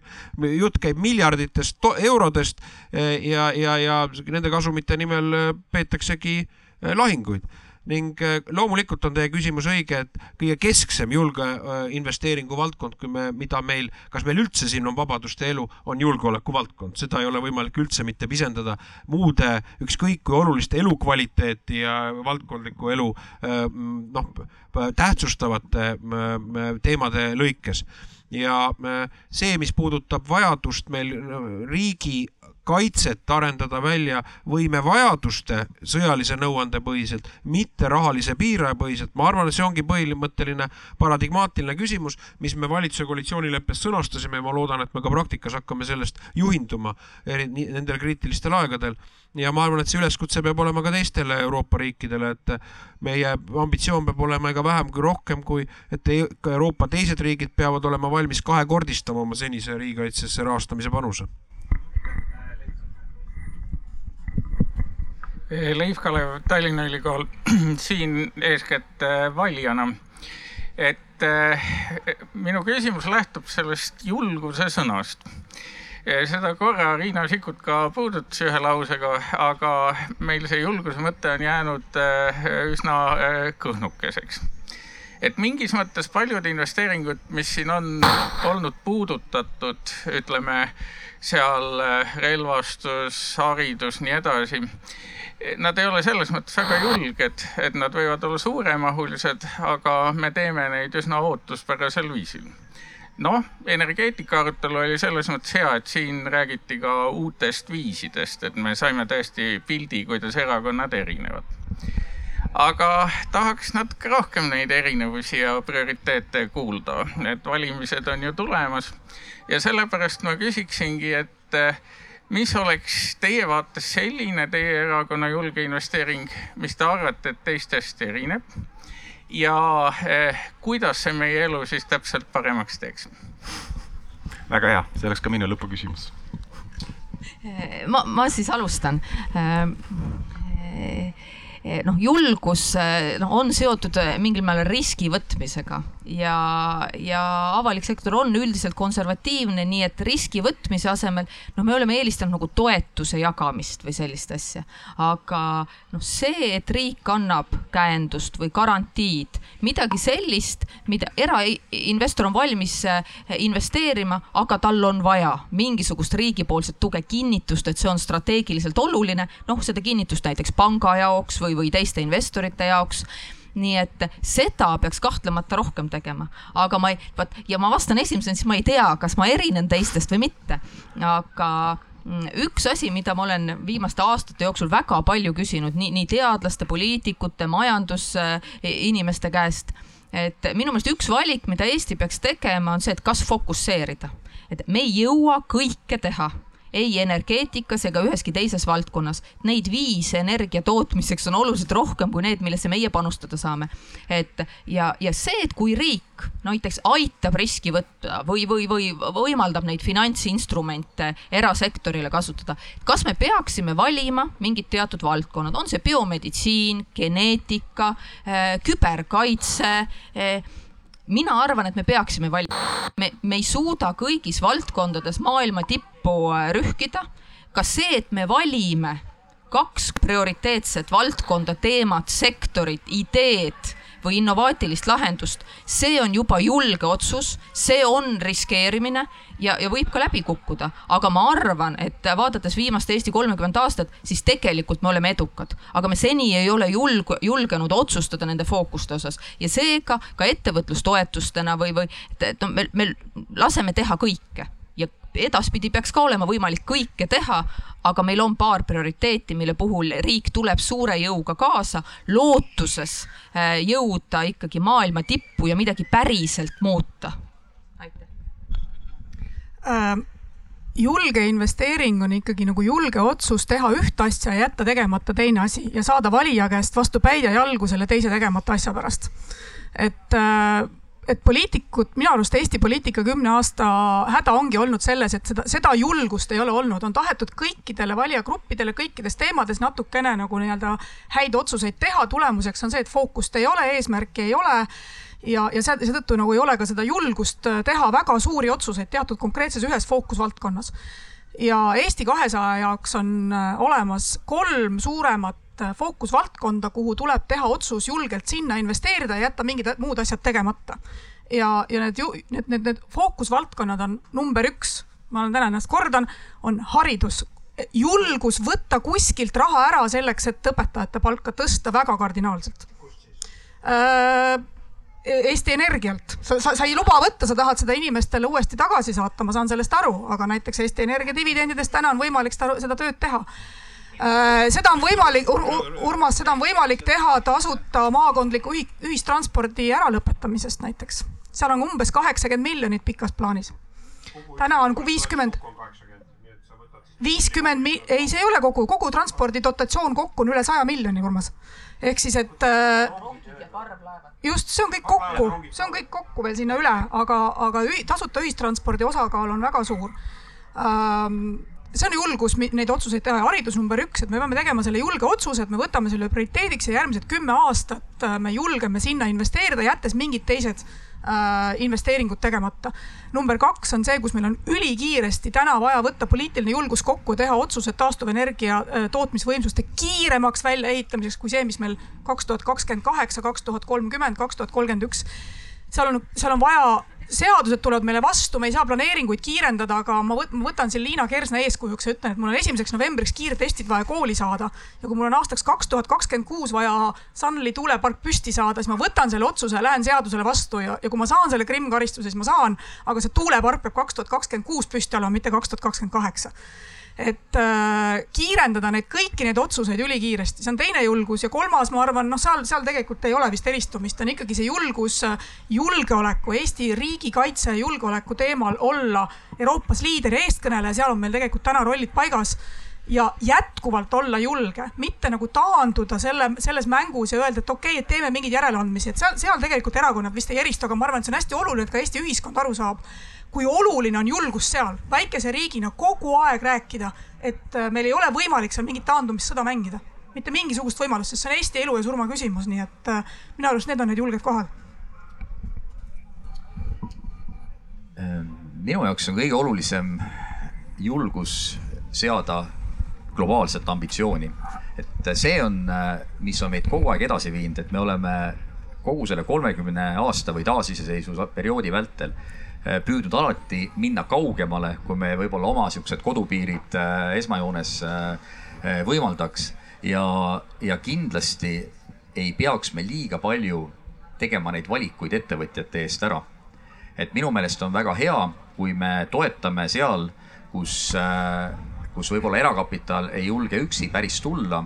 et meil on pakkuda kohalikku riskikapitali selleks, et äh, siis tõmmata sinna juurde erakapitali, tuua juurde investeeringuid ja luua innovatsiooni. kas see võiks juhtuda meditsiinivaldkonnas, äh, biotehnoloogias, kuskil metalli või tootmisvaldkonnas, ma arvan, sel pole vahet, et õige investeering, õige rahastus ja õige teostus leiab alati äh, selle kokkupuute võimaluse ja mida vähem riik seal äh, vahele segab, seda, seda parem on.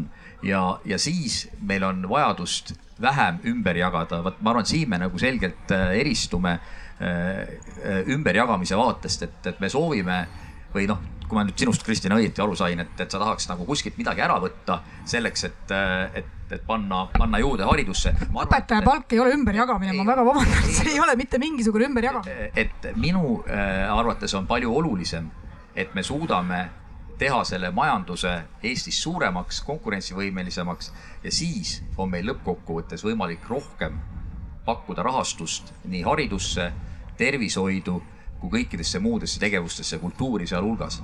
et, et, et, et sellise lähenemisega me suudame, suudame siia tuua investeeringud, suudame hoida siin oma talendid ja suudame tuua siia need talendid, kes tahavad ennast Eestis teostada, sellepärast et meil on äge riik, meil on äge ühiskond ja meil on äge, äge ettevõtluskeskkond punkt üks, nagu ma enne juba ütlesin, siis kindlasti investeerimine haridusse läbi selle, et need targad, targad, äh, toetada tarkade ehitusmaterjalide, erinevate materjalide lahenduste tootmist, väljaarendamist, neid lahendusi ja hiljem ka väljapoole Eestit neid müüa, miks ei võiks olla mitte Eesti Nokia.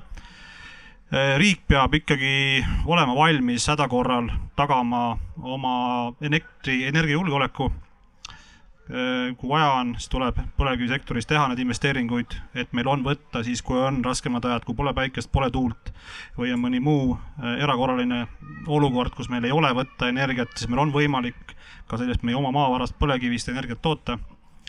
ja muidugi taristuobjektidena Eesti teed suurlinnade vahel, ka need, kes on sõitnud siin Tallinna-Tartu vahet viimasel ajal või ka Pärnu ja Tallinna vahet näevad seda, mis seal toimub, need teed on täiesti kinni. Eesti suurlinnade vahel tuleb ehitada välja teed neljarealiseks. ma olen täiesti veendunud, et ka kolmekümne, viiekümne aasta pärast me kasutame neid teid veel, olenemata sellest, kas seal on elektriautod, vesinikuga sõitvad autod, ma ei tea, sünteetiline fossiilkütus või midagi sellist. Need teed tuleb välja ehitada suurte linnade vahel ja see on üks väga oluline investeering ja seda ka üle-eelmises valitsuses EKRE tahtis teha PPP-ga näiteks üks lahendus, mis oli siis ka julge ettevõtmine, mis mis kahjuks ei jõudnud veel realiseerida, aga, aga ehk kunagi teeme ära. aitäh. minul ei ole probleeme ühegi selle visiooniga nii et noh, see, nad ei ole unikaalsed, Isamaa on alati valmis dialoogi astuma selle idee realiseerimiseks. Ja ma arvan, äh, Leif, sa oled ju riigiteaduste doktor, sa tead suurepärast, üks asi on poliitikute retoorika, aga teine asi, mis on määrav, mis tegelikult toob kaasa nii-öelda muutuse maastikul, on küsimus see, et üks asi on julgus rääkida, aga teine asi on ka julgus asju ära teha ja seista oma seisukohtade eest. ja ma arvan, see on kõige kaalukam. ja ma arvan, et praegu ongi mõistlik praeguse valitsuse puhul lühikese aja jooksul keskenduda lapsetoetuste reformile, elektrituru reformile keskenduda väga olulisel teemal täiendavale julgeoleku rahastamisele ja eestikeelse hariduse reformile. ja see on asi, mille puhul ma võin julgelt öelda, Isamaa ei kavatse lugeda ressurssi selleks, et see reform pöördumatult ja täies mahus kvaliteetselt ja ka õppurite huvisid kvali-, haridus, hariduse kvaliteedi arvestades ellu viia? valimised on tõesti äh, lähedal. Aga nüüd ma võtan selle meie vestluse kokku, ma võib-olla publik tänan väga, kõige rohkem tänangi publikut, kes te kõik siia tulite kuulama, sest et kui keegi meid ei kuulaks, ega mis meil siin omaette siin arutame neid asju, et võib-olla ettevõtjate poolelt ma olen viisteist aastat äh, ettevõtjatega suhelnud ja mis nemad alati, mis nende ootus on, on tegelikult äh, tihtilugu vastupidine. ma istutan lihtsalt selle mõtte äh, Äh, siia, et, äh, et oleks võimalikult vähe sekkumist nende tegemistesse, et nad saaks võimalikult palju ise teha neid asju, neid innovatiivseid asju, investeeringuid ja nii edasi. aga publikule kaks soovitust, püüdke need inimesed siin, siin platsi peal kinni ja minge valima, aitäh. aitäh teile kõigile. selge see, et ega kõike kõike teha.